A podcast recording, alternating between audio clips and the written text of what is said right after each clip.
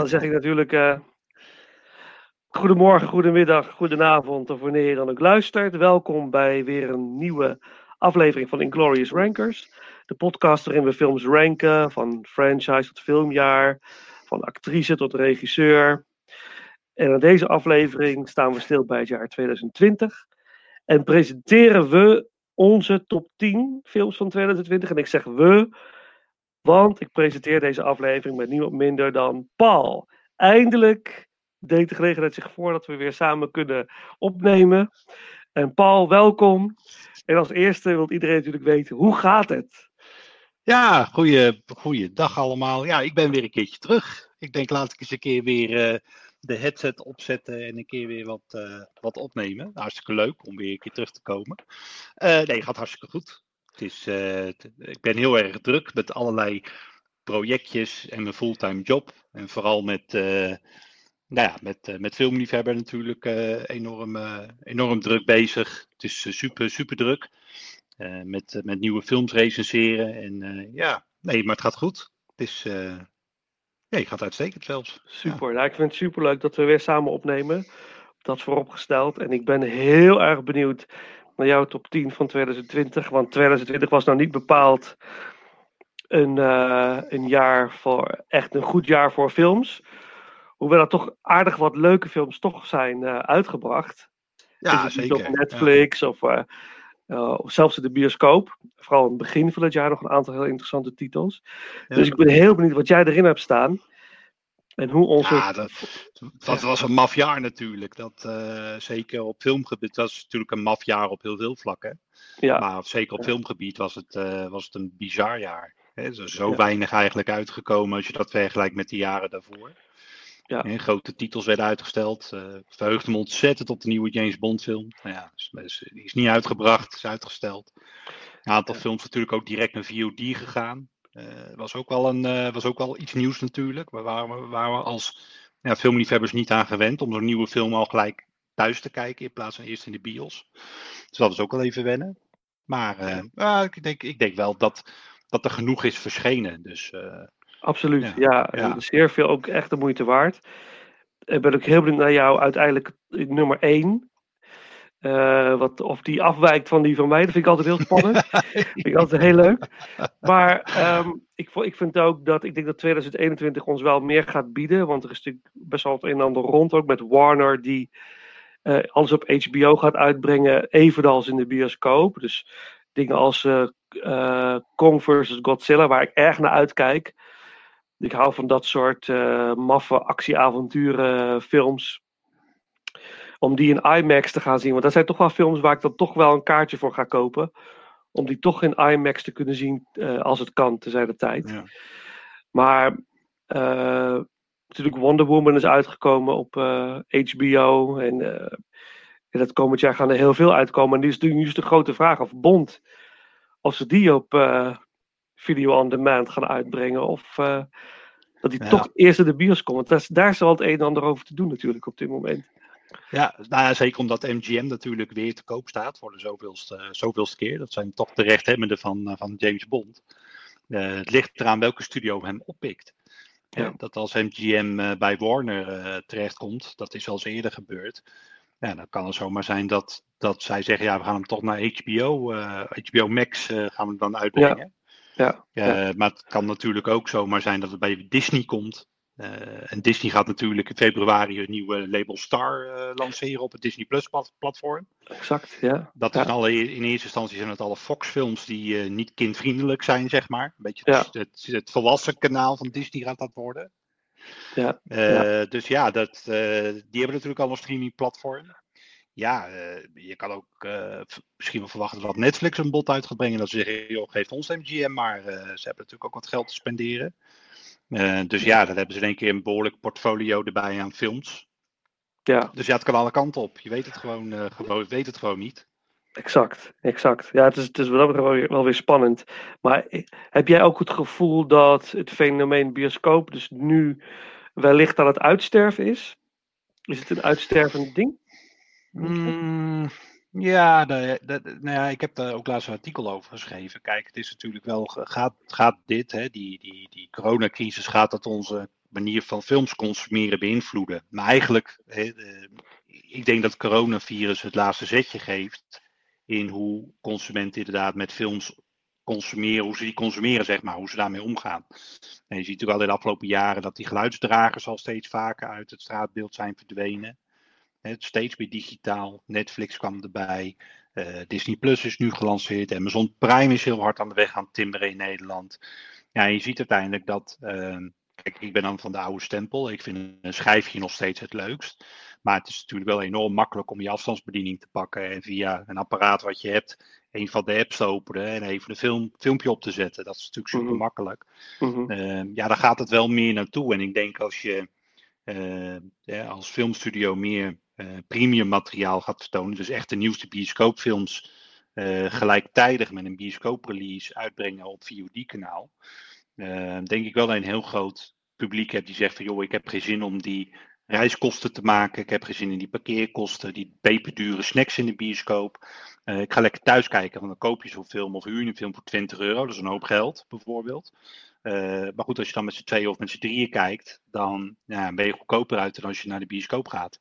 Met al die mhm. randzaken en al die randkosten erbij. Dus ja, ik, ik, denk, ik denk wel dat het um, misschien een stukje cannibaliseert. Hè, dat mhm. mensen, want ik ben bijvoorbeeld ook, ja, ik ging naar de bioscoop omdat, omdat je anders die film niet kon zien. Maar als ik de keuze zou hebben, zou ik hem thuis kijken. Omdat ik gewoon, ja, ik ben gewoon lui en uh, vind het heerlijk om gewoon lekker thuis uh, voor tv te kijken. Ik, ik, prima beeld en prima geluid, dus vind ik best. Ja. Uh, maar ik denk ook dat je een, een hele nieuwe doelgroep aanboort die gewoon simpelweg het geld niet meer heeft om naar de bioscoop te gaan. Dat ook. Ja. Een gezin van vijf mensen, twee volwassenen, drie kids, ja, ga maar, ga maar een zondag naar de bios ik denk dat als je naar de Efteling gaat, je bijna net zoveel geld kwijt bent. Ja, dat is dan overdreven, maar...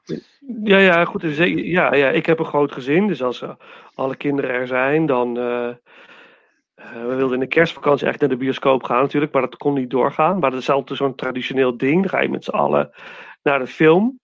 Maar je, dan betaal je schil. Je hebt al van die familietickets, maar toch, hè, alles eromheen inderdaad. De popcorn, drinken, misschien nog even wat drinken na de film. Dus een heel, het is hartstikke, maar het, het, het heeft natuurlijk twee kanten. Het is een sociaal, sociale aangelegenheid.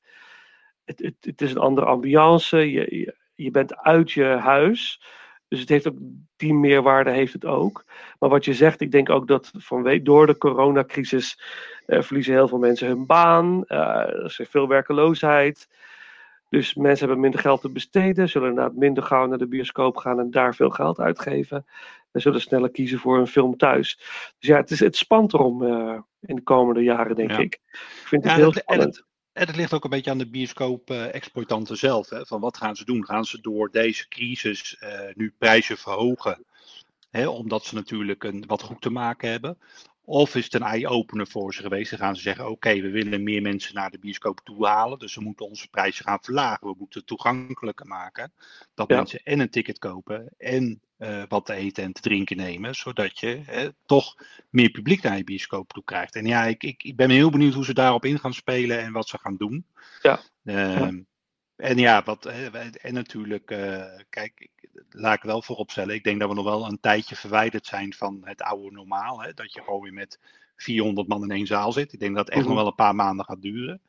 Uh, ja, wie gaat het volhouden? Wie heeft de langste adem? Kijk, ja. Kinepolis en uh, Pathé hebben natuurlijk een behoorlijk budget. Ze hebben groot, groot, grote concerns, internationaal.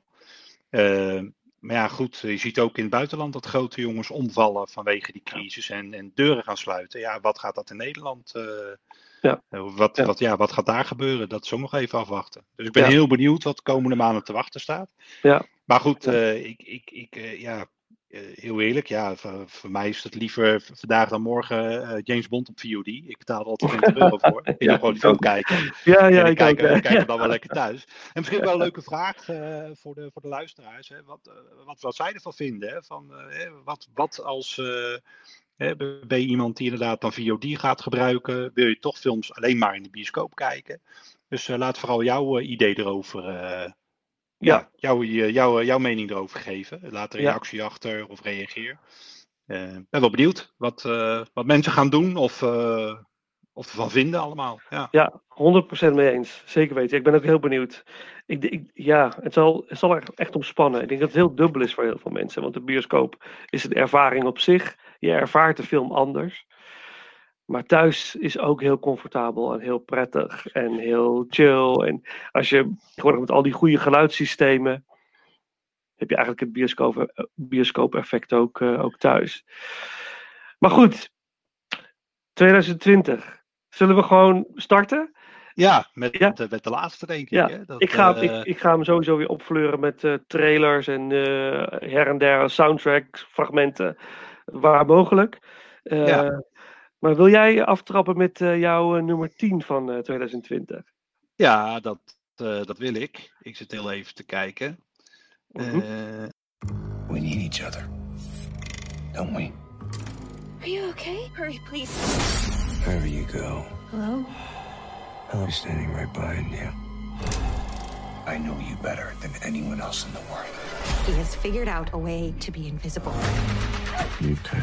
Please listen to me. I know that you feel like you're going insane sometimes.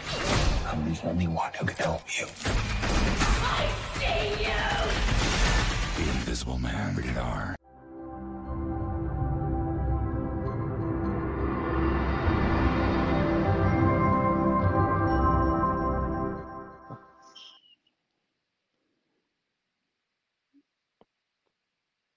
dan beginnen we hier. Ja, ik heb hem. Uh, ja, mijn nummer 10 voor 2020, dat is de hekkersluiter. Uh, The Invisible Man van horrorproducent Jason Bloom. Uh, ja, horror, thriller. Invisible Man is natuurlijk een franchise. Komt, uh, geloof uit mijn hoofd uit de jaren 30, als ik me niet vergis, of de jaren 40. oude zwart-wit films. valt een beetje onder het Monster Universe van Universal Pictures.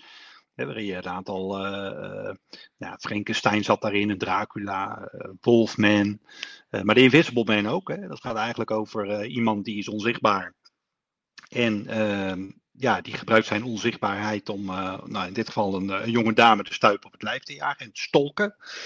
Ehm, alleen het is een hele spannende. Ja, het is een horror, maar ook ja, ik vind hem altijd. Ik vind een horror, dat moet vol met bloed zitten en, uh, en, en, smerige effecten. En, uh, dan is het voor mij horror. Dit is meer een thriller. Hè. Dat is gewoon heel spannend. Uh, door wat allemaal wat er gebeurt en hoe die jonge dame, die wordt al gespeeld door Kate Moss van de Handmaids. nee, niet Kate Moss, zeg ik nou weer. Ik pak heel even mijn lijstje. Ja, het is een mos. In ieder geval. Het is een mos. Het ja. is een mos. Elizabeth Moss. Elizabeth dus even Moss. overnieuw. Uh, ja, de dame Cecilia wordt gespeeld door Elizabeth Moss. Die kennen we natuurlijk uit The Handmaid's Tale. Uh, en die speelt dus de jonge dame in The Invisible Man. Die wordt, uh, ja, eigenlijk wordt geterroriseerd door een on onzichtbare aanwezigheid. En dan, ja, het is een beetje een psychologisch spel van is, wordt ze nou echt door een, nou ja, door een entiteit gestolkt of lastiggevallen? Of is het dus iemand die zich onzichtbaar kan maken en haar het leven zuur maakt? Hele spannende film. Uh, het is een beetje ook een reboot van het Monster Universe. Dat is nu een aantal keren geprobeerd met, uh, met films zoals The Wolfman en uh, The Mummy van, met Tom Cruise. Daar hebben ze elke keer mee geprobeerd om dat Monster Universe nieuw leven in te blazen. En nu heeft Jason Blum het eigenlijk in handen genomen. En die probeert dus met ja, deze film dat weer nieuw leven in te blazen. Ehm, ja, kijken of dat slaagt. In ieder geval, The Invisible Man vond ik een hele leuke film. Dus dat is ook mijn afsluiter van 2020, de nummer 10. Ja, nou, ik, ik ben het wel met je eens. Hij staat niet in mijn top 10, de Invisible Man. Het was wel een, uh, een optie, maar ik heb voor een andere gekozen. Ja, ik vond Invisible Man erg goed. Ik vond de Mummy met Tom Cruise heel erg tegenvallen. Het is totaal niet, kon me niet boeien. De Wolfman daarentegen met uh, Benicio del Toro en Anthony Hopkins vond ik wel weer, uh, wel weer erg leuk. Maar als ze deze trend voorzetten, volgens mij hebben ze dan een hele goede te pakken met die Invisible Man. Het is een beetje nou, realistisch, maar toch eh, bloedstollend uh, spannend. Ja, nou, ja. ik denk met, met Jason Bloom erbij dat dat wel lukt. Dat is natuurlijk iemand ja. die wel in het horror zien, uh, horror thrillers echt wel, uh, nou ja, nu op dit moment de beste producent is die, de, die er rondloopt. Dus ja, ja laten, laten we hopen dat ze het doorzetten. Ja, vast, vast. Dat moet Ever since we were children, we've had one dream. Winning the Eurovision Song Contest. All right, right, everyone. I am Lars. This is Secret. We are Fire Saga. Who wants to hear Eurovision song?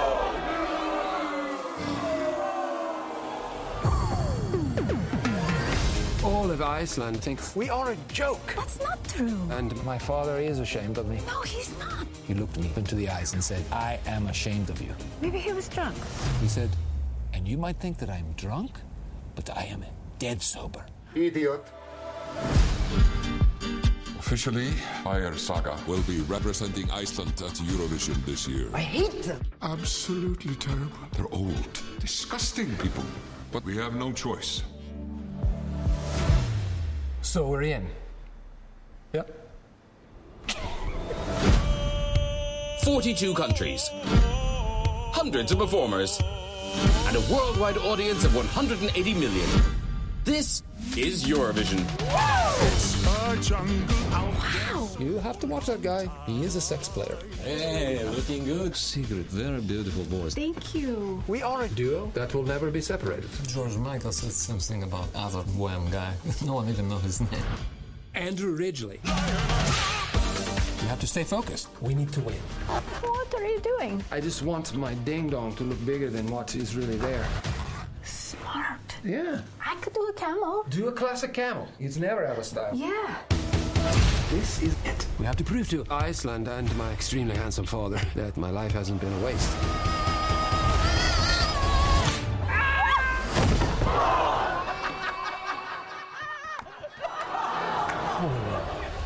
Oh,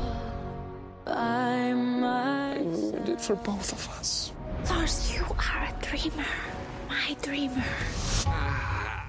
We. Really? Romance. It ruins the bands. Fleetwood Mac, Ace of Base, Simon and Garfunkel. Yeah, I forgot about Simon. Where the mountains sing through the screams of seagulls. Where the Fire Saga are not giving up. Tonight is our night.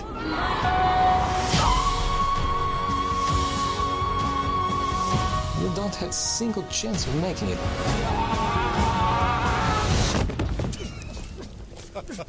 Stop laughing! I'm trying to fight you! my hometown. You hit me, but very light, like silky kitty fish in marshmallow boxing glove.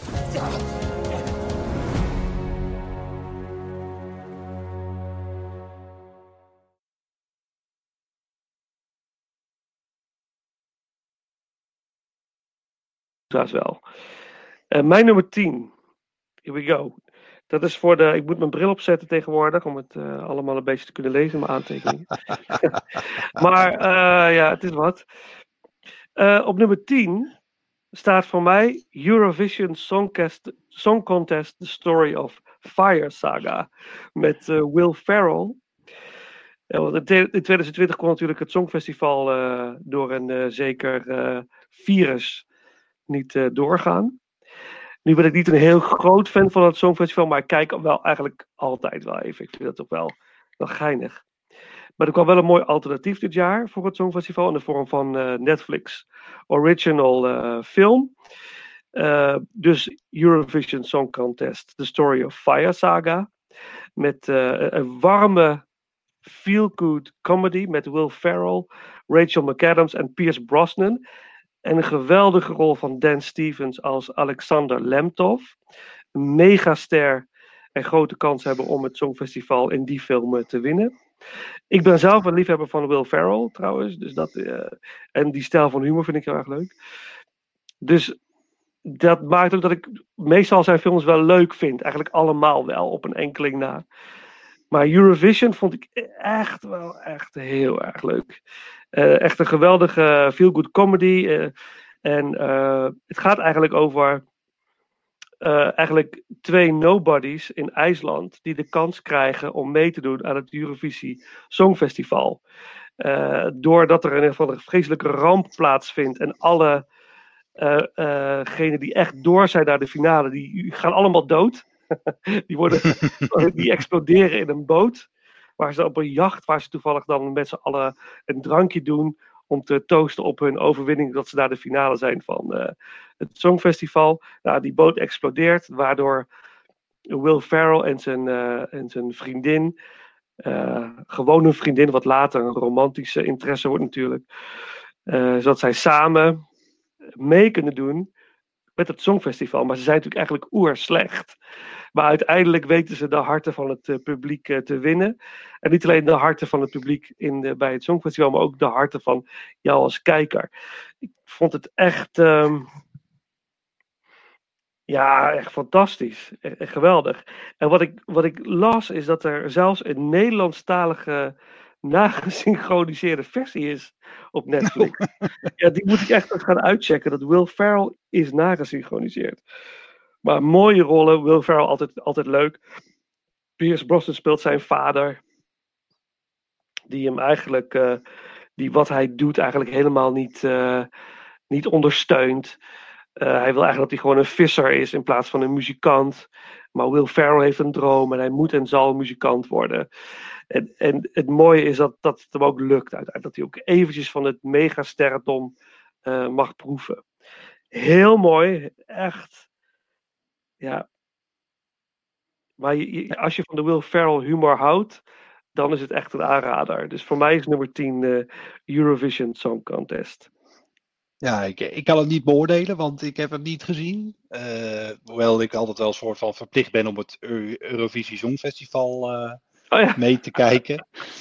Vind ik wel heel leuk. Uh, nee, heel eerlijk, ik heb, ik heb hem gewoon gemist. Ja, er zijn er weer films die weer eerder op het lijstje komen en die eerder gekeken worden. Dus ik kan er niet over oordelen. Het klinkt leuk in ieder geval. Ik ben wel een fan van Pierce Brosnan, dus dat is voor mij al een reden om te kijken. Ik ben dus ja, minder ja, ik ben mindere fan van Will Ferrell. Dat, uh, die, die, ik vind dat hij echt zijn moment moet hebben. Ja. De ene film is heel leuk en de andere film dan stoor ik me mateloos aan hem. Dus dat gaan we ze een eerlijke kans geven. Jij bent er lyrisch over, dus die, uh, die komt gewoon voor, voor mijn watchlist voor dit jaar. ja, ik zou het zeker doen op Netflix. Erop, ja. je kunt hem gewoon kijken. Dus het is echt, echt de moeite waard. Ja, ja. Cool. Jouw nummer 9. Ja, de nummer 9. Hey, I'm Miles. It, asshole. When I was a kid, I wanted to be a hero. But instead, I grew up to be a nobody. Another schism. Schism. Schism. Schism picked random weirdos and made them fight to the death. And the internet loved it. Nick wins. Yeah, Nick. I love you. Coming. Uh, I think you have the wrong. Whoa, who are you? Look, this is gonna sound really fucking weird, but could you help me? I have guns bolted to my hands. Yeah, you're right. That does sound pretty fucking weird. You have 24 hours to kill Nix. Fail, you die. Leave the city, you die. What the fuck is Nix? It's showtime.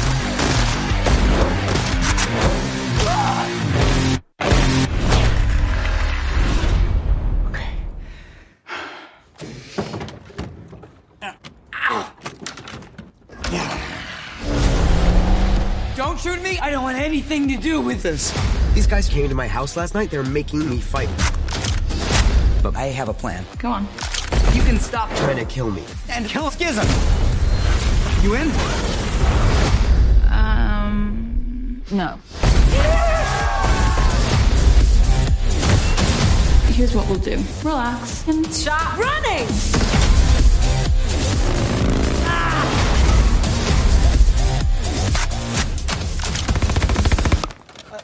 Mistakes were made. I- Ten million viewers. You have made history. I never wanted any of this. Fuck! It's over. It's not over till I say it's over. I wouldn't do that if I was you. You'll just end up blowing your damn face off. And then you'll still be depressed. Even more depressed, probably, because of your fucked up face.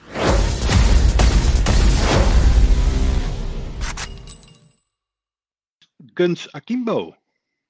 Met oh. Daniel Radcliffe en Samara Weaving. En uh, ja, heel eerlijk, dat is een film die heel kort in de bioscoop heeft gedraaid. In maart, toch een beetje ja, rond die lockdownperiode. Ik heb hem niet in de bios gezien, maar hij kwam daarna heel snel op Blu-ray uit. Uh, ja, op de poster staat dan een uh, ja, beetje gehavende Daniel Radcliffe, kennen we natuurlijk van Harry Potter. Hè? Dat, hij is Harry Potter, laat ik het zo zeggen. een beetje gehavende Daniel Radcliffe. En dan Samara Weaving met een hele grote Tommy gun in, in, de handen. Ja, dan ben ik al sold. Dan wil ik het zien. Sowieso ben ik een enorme fan van Samara Weaving. Ik vind haar echt top. Echt in bijna alle films die ik nu met haar gezien heb. ja, is elke keer weer gewoon ja, er zijn altijd over, van, die, van, die, van die komische horrorfilms die super overdreven zijn. Hè? Zoals The Babysitter of uh, Mayhem. Dat zijn echt van die films die zijn super overdreven. Bloed spat in het rond. En nou ja, er gebeuren, alle kills zijn overdreven. En op de meest maffe manieren komen mensen aan hun einde. Dus dat, daar hou ik altijd wel van. Nou, ja, Guns Kimbo belooft dat dus ook. Het is wel meer een actie-misdaad met een vleugje horror. Maar het is, het is meer actie-misdaad. Maar gewoon uh, van begin tot eind buitensporen geweld, uh, bloed vliegt in het rond. Ja, het gaat er eigenlijk over dat Daniel Radcliffe, die mij heel erg heeft verrast, want je ziet hem natuurlijk wel als Harry Potter. Uh, en met deze film bewijst hij er echt wel, echt wel dat hij meer kan dan dat. En uh, ja, wat gebeurt er? Hij speelt dan een, een, een jonge computerprogrammeur. Die in zijn vrije tijd eigenlijk ehm, ja, internettrollen aanpast, uh, aanpakt. Dus uh, hij gaat dan op het internet en iedereen die dan op fora en, en, en op, op, uh, op social media vervelende reacties achterlaat, die gaat hij hacken. En nou ja, die pakt hij terug.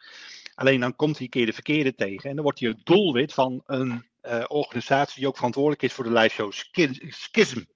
Schism is een live show waarin dus, uh, ja, er wordt iemand gewoon aangewezen en ja, die wordt uh, uiteindelijk uh, live op het internet opgejaagd met als doel om hem dood te maken. En hij krijgt dus, ja, hij wordt dus het doelwit en hij moet dus ja, zich in bochten wringen om maar die gasten van Schism voor te blijven. Ja, dat is een super vlotte film, maffe achtervolgingsscène, heel veel geweld, maar ook heel veel humor. Uh, dus ja, ik vond het wel een hele ja, een lekkere wegkijker. Dus uh, ja, voor mij, uh, voor mij de nummer 9. Wat cool. Hij stond ja. op mijn lijstje, maar ik heb hem nog niet gezien. Maar nu ik dit hoor, moet ik hem gaan kijken. Ik zat ook een beetje met Daniel Radcliffe. Ga ik dit ga ik het geloven wat hij doet? Weet je wel? dat, dat, maar als het zo'n gekkigheid is, dan is het misschien wel de moeite waard om het gewoon te proberen. Ja, maar, hij, heeft me echt ver, hij echt verrast. Je ziet, uh, hij, hij, hij, met deze rol heeft natuurlijk eerder wel andere rollen gespeeld. En dan, uh, uh, dan zie je toch nog een beetje dat Harry Potter jongetje zie je dan dat terugkomen. Maar bij deze film schudt hij dat echt van zich af. Je ziet echt gewoon, dus hij speelt Miles. Hij is dus een, nou, een beetje, hij blijft wel een zullig typeje natuurlijk, een nerd. Maar ehm, ja, hij, speelt, hij speelt Miles en je gelooft dat hij Miles is. En ja, hij wordt het doelwit dus van die, ja, van die krankzinnige groep die hem dus eigenlijk voor, voor de haaien gooit. Uh, En uh, ja, uh, hij moet het zien te overleven. Hij, je ziet ook op die poster, heeft hij twee guns vast. Maar die guns zijn dus aan hem vast een soort geniet, geplakt, genaaid, uh, met bouten vastgezet. Dus hij kan ook die pistolen niet af, hij kan, hij kan ze niet laten liggen. Hij moet dus rond blijven lopen met die pistolen. Dat is natuurlijk lastig als je op de vlucht moet slaan, want ja, je loopt gewoon door het openbare leven. Dus ja, als jij een mafkees met twee guns aan zijn, in zijn handen ziet uh, rondlopen, dan gaan natuurlijk alle alarm, alarmbellen af. Dus hij wordt en het doelwit van die groep, maar ook van de autoriteiten. Uh, ja, Samara Weaving, dat, die komt dan in het verhaal een beetje als zijn ja, uh, counterpart slash uh, hulpje om, uh, om zeg maar dit avontuur te overleven. Ja, dat, dat is gewoon knotsgek. Knotsgek van begin tot eind. Heel leuk. Ja. Oh, die ga ik zeker kijken. Ja, nou, dat, je hebt me overtuigd. ja, dat is de volgende op het lijstje. Ja, leuk, leuk. Maar heb jij ook, uh, wat zeg je met hem, The Woman in Black ooit gezien? Die, heb ik ook ja. Nog, nou, die moet ik ook gaan zien. Maar is, is het een moeite waard? Even, nou ja, het is, het is wel een goede Het is op zich wel een goede horrorfilm. Alleen ja, je, je, ziet, je ziet in, in, dat was een van zijn eerste rollen na Harry Potter. Dat, ja, je ziet toch wel dat, dat hij dan heel lang die rol van Harry Potter heeft gespeeld. Dus je ziet hem toch wel een, beetje meer zo'n Harry Potter figuur. Mm -hmm. ook een beetje met het klassieke Engels wat hij praat. Uh, ja, ja de, de, de, lastig om daar dan doorheen te prikken. Het is, ja. uh, het, het, is echt wel een goede horrorfilm. Alleen, ja, het, Daniel Radcliffe overtuigt dan niet helemaal in zijn rollen. Dat is wel nee. jammer. Oké, okay, oké. Okay. Nou, dan hou ik het even bij Guns Akimbo voorlopig. Maar mij. Look at this. All those years in the big city, we finally got out. We're living the dream. Maybe it is a dream.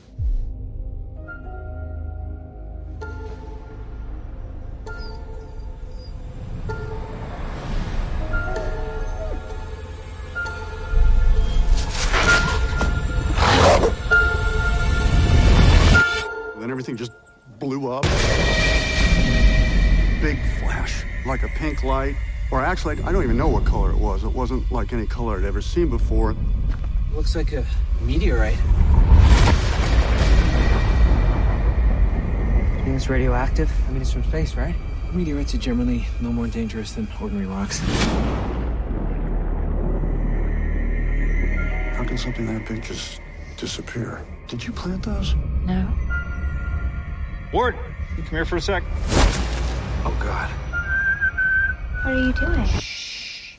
It's talking to me. Who's talking to you? A man in the well.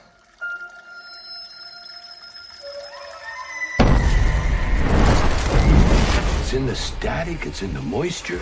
It's in here, is out there. What's out there is in here now. Everything's under control. In denial? That thing from the meteorite changes everything around it. It's just a color. But it burns. Do you believe me now? I don't know what I believe anymore.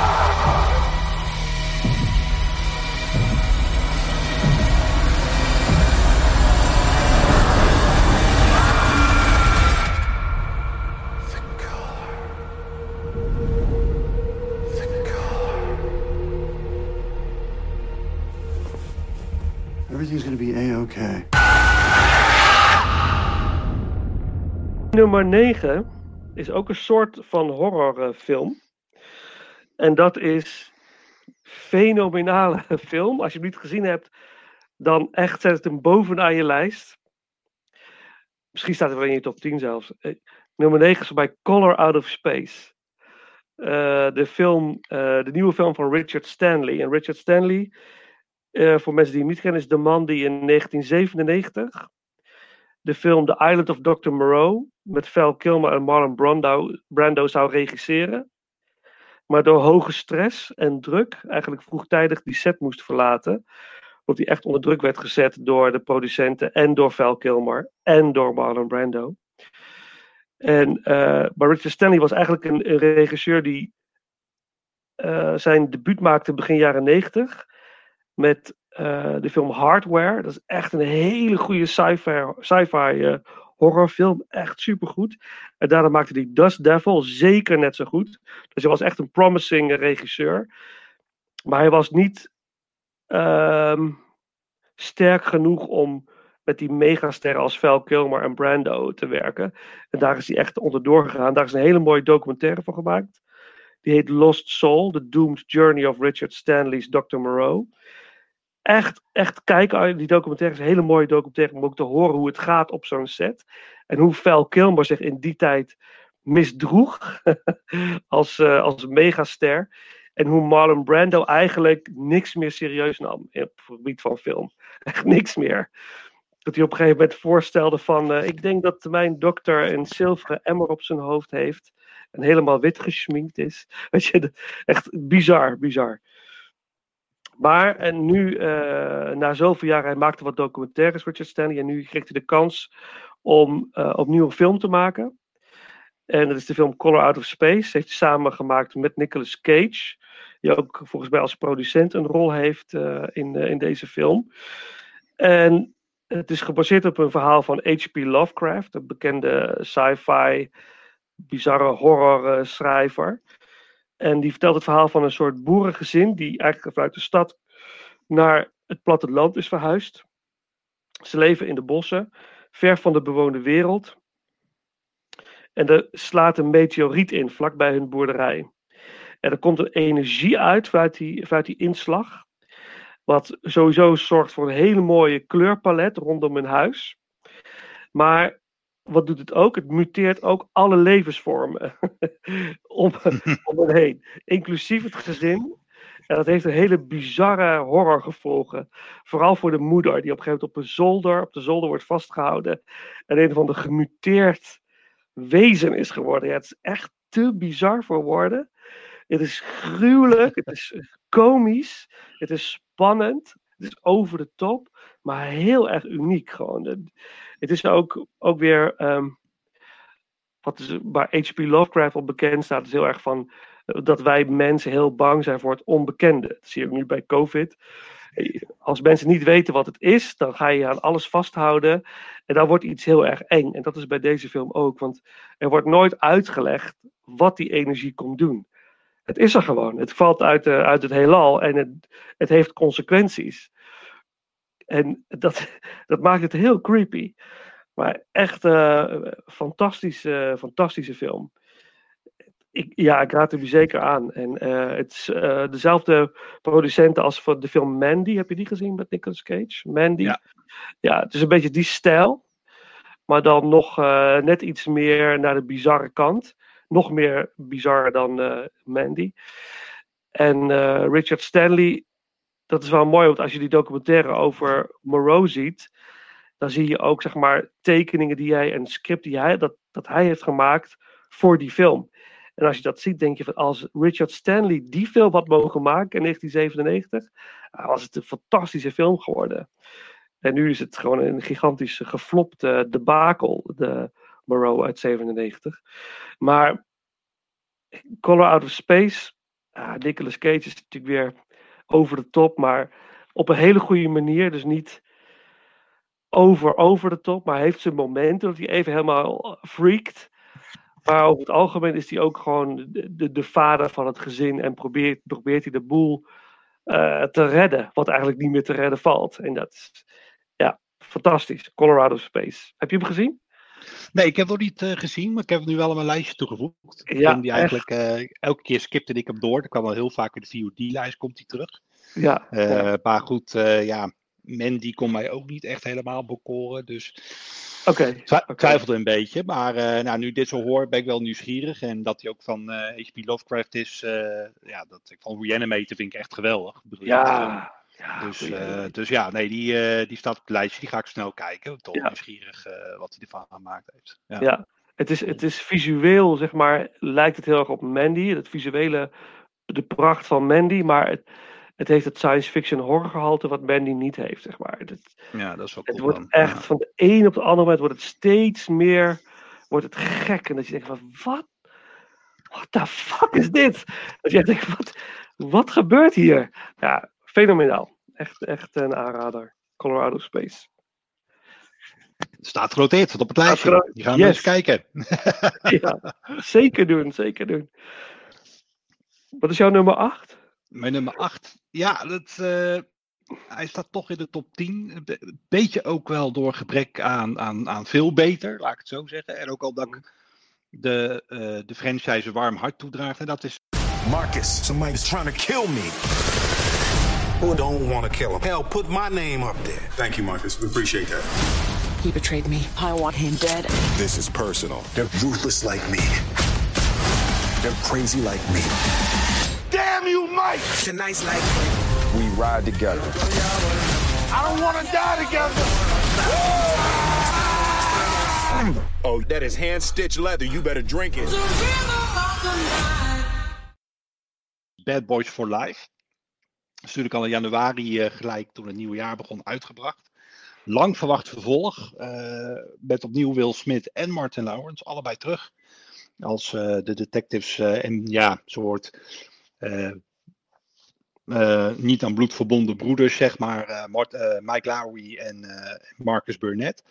Ja, de, de, Bad Boys 1 en 2 deden ze het al heel erg leuk. En nu in het derde deel ja, pikken ze het eigenlijk, pikken ze de draad erop waar ze hem hebben laten liggen. En wat is het? Ja, gewoon weer heel veel actie, heel veel humor. Ehm, iets te serieus op sommige fronten. Dus het verhaal is wel echt heel erg doorontwikkeld. En wat plotwendingen erin die de drie films met elkaar moet verbinden. Dat had zozeer niet voor mij gehoeven. Uh, maar goed, qua actie en qua uh, humor en de chemie tussen de twee, ja, dat is allemaal weer top en, en op orde. Dus ja, dit was gewoon een hele leuke verrassing. Ik had er eigenlijk niet zoveel van verwacht. Ik denk, ja, het is wel leuk dat het terugkeert. Maar ja, je ziet eigenlijk wel vaker dat als weer iets, je iets bekends uit, uit de hoge hoed toveren, je denkt, ja, daar heb je er weer één. We hebben het allemaal al een keer gezien. maar ze hebben er echt wel een leuke film van gemaakt. Dus ja, voor mij staat hij op, op de achtste plek. Bad Boys ja. for Life.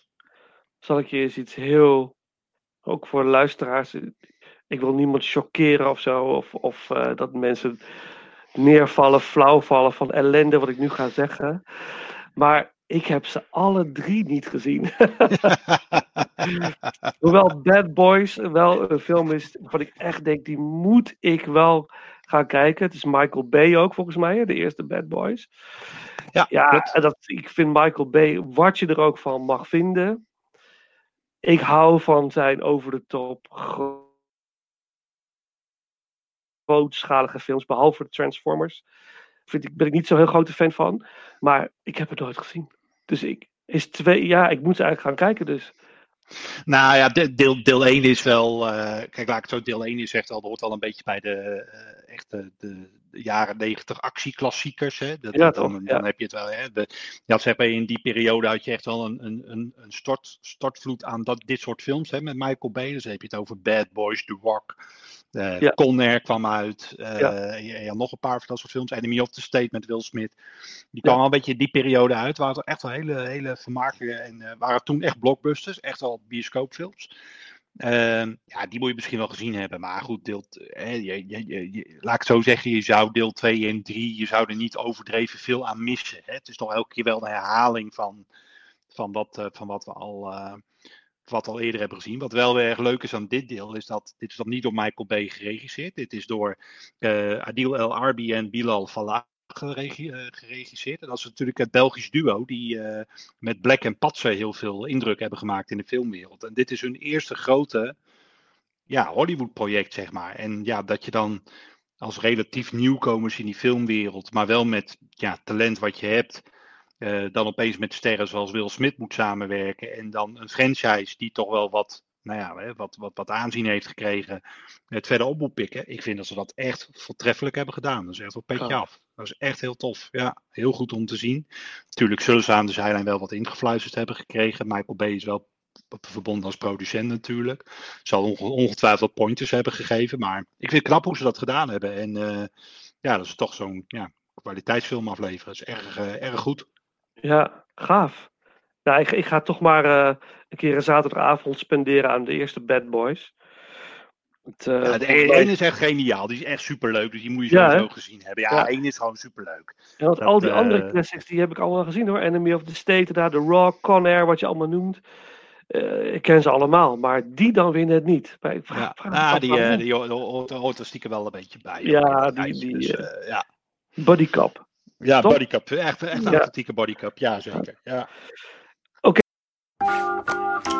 Here's Master Jojo. You're a top man. Prepare to leave the house. Today you boys will be involved in such activities as war games, ambush techniques, and blowing stuff up. I don't think I can do this. Was? Of course you can. Aber dann kamst du. When I was your age, I had an imaginary friend. Got me in so much trouble. Kids, it's time to burn some books! You're growing up too fast. Ten-year-olds shouldn't be celebrating war and talking politics. Heil Hitler. I wish more of our young boys had your blind fanaticism. Did you know Jews can read each other's minds? But how would you know if you saw one? They could look just like us. Hi.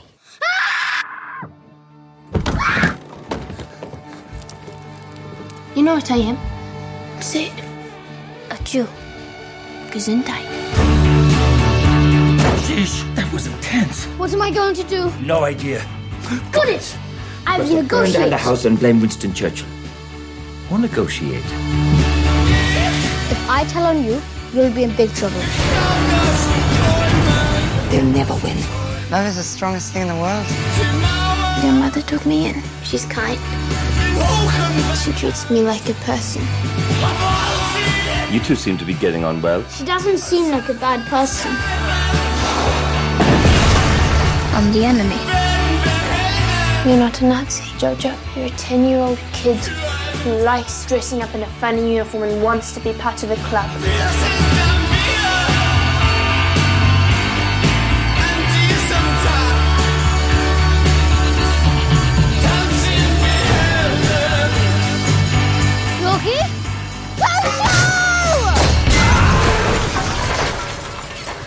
Odd. Nothing makes sense anymore. Yeah, I know. It's definitely not a good time to be a Nazi.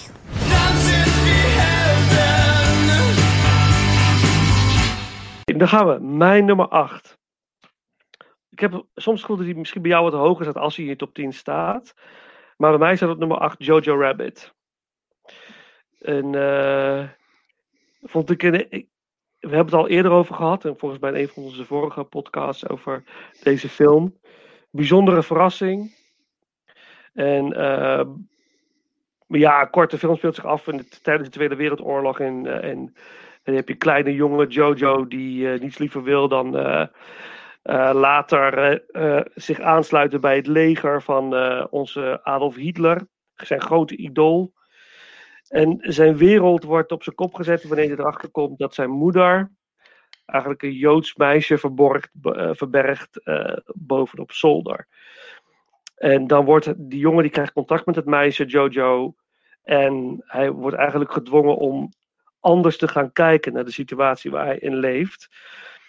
En dat is heel erg bijzonder. En hij vraagt daarbij veel raad uit zijn imaginary friend. En dat is niemand minder dan Adolf Hitler. Gespeeld door de regisseur eh, Taika Waititi. Ehm, maar ook ten opzichte van die imaginary friend voelt hij steeds meer afstand.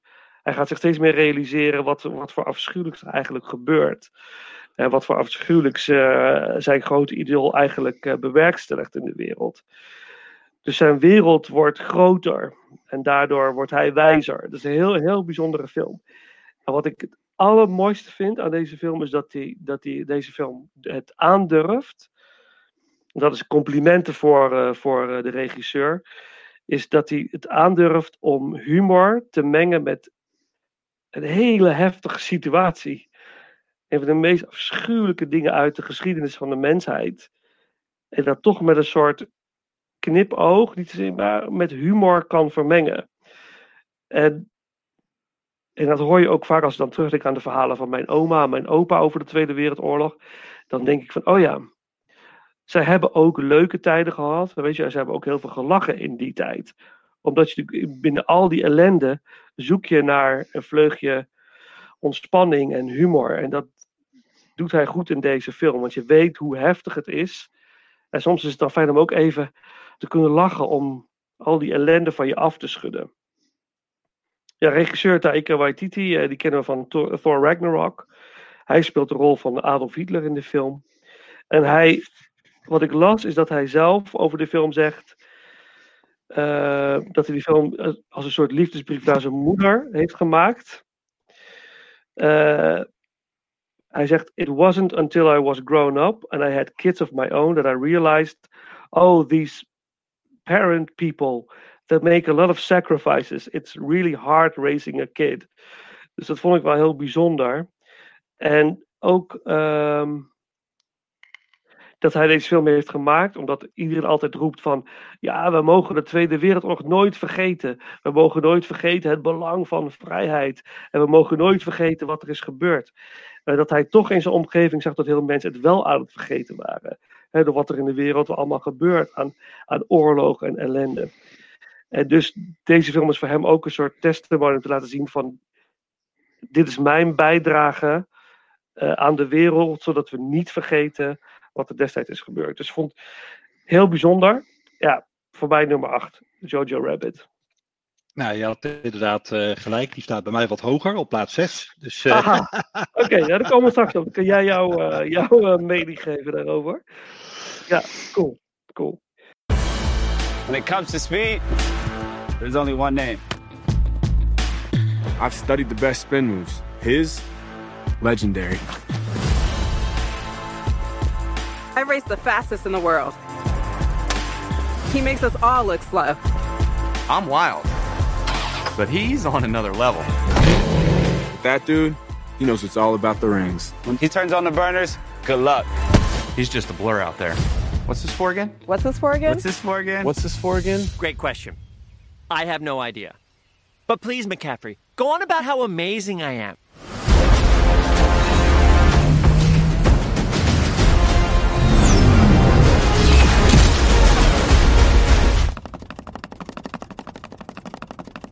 What am I doing? You're mine, hedgehog!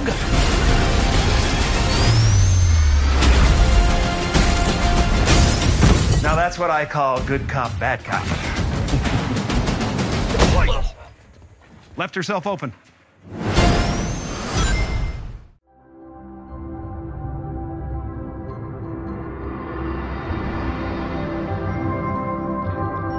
Jouw nummer 7. Ja, nummer 7 alweer. Ja, nee, dat gaat hard. Uh, ja, een beetje vreemde eend in de bijt toch wel. Uh, vreemde eend in de bijt, als ik, uh, als ik het zo mag zeggen.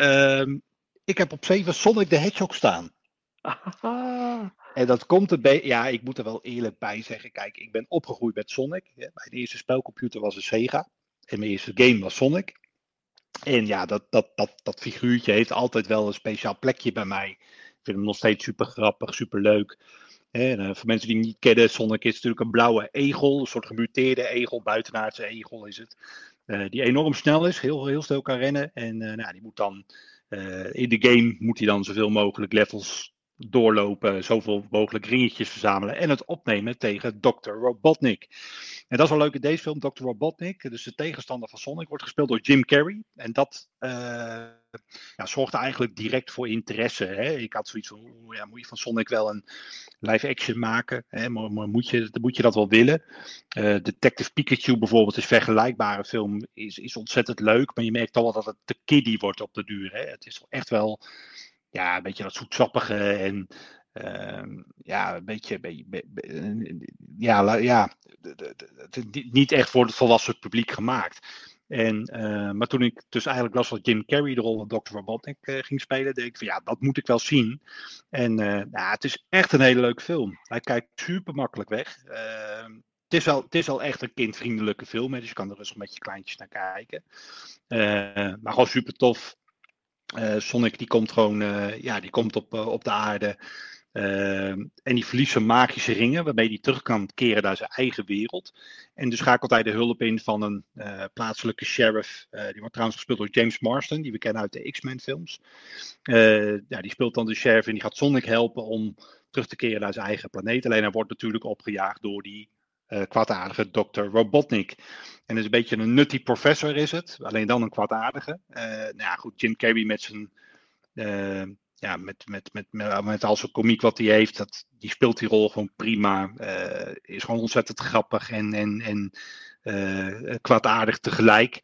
Ja, superleuk. En uh, supermooie effecten ook. Hè. Zo'n film, een productie ook geteisterd is geweest. Niet alleen door de coronavirus, maar ook door uh, de eerste fase van de film. Er is natuurlijk heel veel kritiek geweest op het uiterlijk van Sonic. Uh, de eerste versie van, van, van het digitale personage werd met de grond gelijk gemaakt. Niemand vond het op Sonic lijken. waardoor de studio dus terug moest naar de tekentafel. Dus ze hebben dus uiteindelijk wel een digitale, digitale Sonic gemaakt.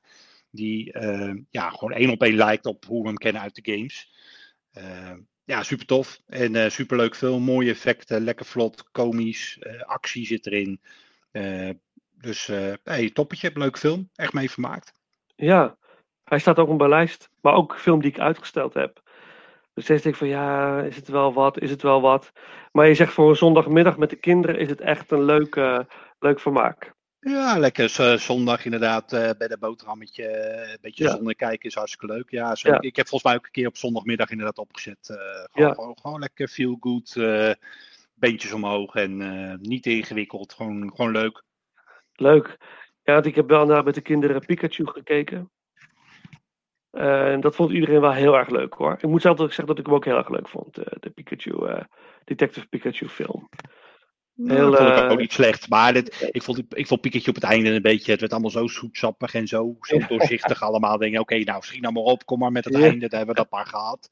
Dat, uh, dat, dat, dat, gevoel bekroop een beetje. Dus, uh, ja. Maar hij was ook, was ook een leuke film. Hij zit wel een beetje in hetzelfde vaarwater. Ja, oké, okay, oké. Okay. Nou, dat, dan ook die moet dan maar eens gekeken worden. Ja, Jim Carrey is sowieso altijd heel erg leuk. En leuk om hem weer in een uh, komische rol te zien. Was natuurlijk een tijdje is die van het beetje verdwenen van het, uh, van het filmbeeld, soort van. Ja, ja Kick, Kick-Ass 2 kan ik me nog herinneren, heeft hij nog gedaan. Dat was hij ook zo'n beetje een maf, uh, maf personage. Dan speelde ja. hij een soort, uh, ja, soort soldaatachtig type speelde hij daarin, die dan zich aansloot bij die superheldenformatie. Uh, trouwens niet een hele geweldige film, dus ik ben er heel veel van vergeten. Ja. Uh, maar ja, hij, hij, maakt natuurlijk niet meer films in, het, in de frequentie als dat hij in de jaren 90 deed natuurlijk. Dus, nee, uh, nee, precies. Maar dit was wel ouderwets Jim Carrey, dat dan weer wel. was echt, echt leuk om te zien hoe hij dat deed. Leuk. Nou, die, die staat op de lijst. Streaming this December on Disney Plus. I'm Joe Gardner. I teach middle school band. I finally land the gig of my life, and then. Is this heaven? no. Is it H E double hockey sticks? Hell? Hell? Hell. Hi, Coyote. Can you help me get back to my body? Why? Earth sounds dumb. You're missing out on the joys of life. Nah. Come on. Wait, not me! Soul, rated PG. Streaming December 25th. Ga kijken. En de, nummer 6 van mij is een film die ik vorige week heb gezien. En die erg veel indruk maakte moet ik zeggen. En dat is uh, de film Soul. De nieuwe Pixar, uh, Pixar film. En ik heb hier opgeschreven, Disney Pixar did it again. Ja, ongelooflijk. Die gasten iedere keer soort van weer goud maken of zo.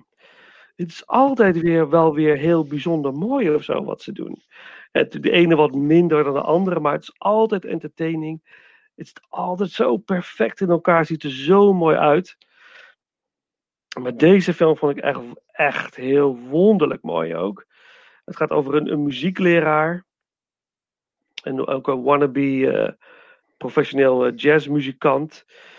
En die krijgt op een dag de kans van zijn leven om met een van de meest populaire jazzzangeressen in een club uh, te spelen. Nou, hij krijgt die job, maar helaas sterft hij voordat het optreden plaatsvindt. Hij valt ergens in een put en hij, uh, hij sterft. Dus hij komt in het hiernamaals. En hij wil die kosten wat kost, wil hij terug natuurlijk om die ervaring uh, op te kunnen doen. Hij wil het niet missen. Maar hij probeert van alles om terug te komen naar, naar het leven. Maar ja, hij is nou eenmaal dood. Dus dat gaat niet. Dat gaat niet meer. Je kan niet zomaar terug. Maar hij maakt ergens een verkeerde keuze in dat hiernamaals. En dan wordt hij uitverkoren om een nieuwe ziel, wat eigenlijk de nieuwe ziel is, een plek te geven in het leven wat de nieuwe ziel moet gaan leiden. En dat gaat eerst met heel veel tegenstand natuurlijk, maar uiteindelijk krijgt, uh, krijgen die twee een hele goede connectie met elkaar. En dan leert hij, uh, leert dan um, Joe, zoals hij heet, leert dan wat het betekent om echt zijn ziel te volgen, echt een, te, voelen als een, als een soul. En um, ja, dat, dat pakt heel erg mooi uit. Eh, volgens naar mijn idee de beste Pixar film sinds Inside Out. Inside Out vond ik ook heel erg mooi. En uh, fenomenaal stemacteren werkt door Jamie Foxx. En uh, zou uitkomen in de bioscoop, Sol, maar door alle toestanden hebben ze hem op Disney Plus uitgebracht. En net als velen hebben wij ook hier Disney Plus en ze hebben wij hem kunnen zien, zonder extra kosten ook. En ja, heel mooi, heel mooi. Wat ook heel gaaf is, dat die film begint. En toen dacht ik echt, er is iets met de tv. Klopt iets niet. Want die film begint dan met het, de, het, het kasteel van Door Roosje, weet je wel. En dan die boog eromheen. Dus de traditionele Disney, uh, Pixar, de Disney opening. Ja. En dan uh, spelen ze When You Wish Upon a Star. Van When You Wish Upon a Star, weet je wel. Uit Pinocchio. Maar het is vals. Loei vals. Dus ik dacht echt van, wat is dit? kan niet kloppen. Maar vervolgens zie je dus dat hij aan het dirigeren is in een klaslokaal met allemaal kindjes die dat nummer als een soort van varenband aan het spelen zijn. Dus dat loopt dat heel mooi door. Fantastisch. Ik vond dat zo, uh, ja. Dus als je hem niet gezien hebt, echt ga kijken. Nou, ik heb hem gezien, maar ik kom er zo nog even op terug. Op, oh, oké, oké. Oh, kijk. Dat staat wat hoger bij mij het lijstje. Oh, oké, goed zo, goed zo. Fijn dat hij erin staat. Fijn dat hij erin staat. Oké, okay, komen we zo op terug.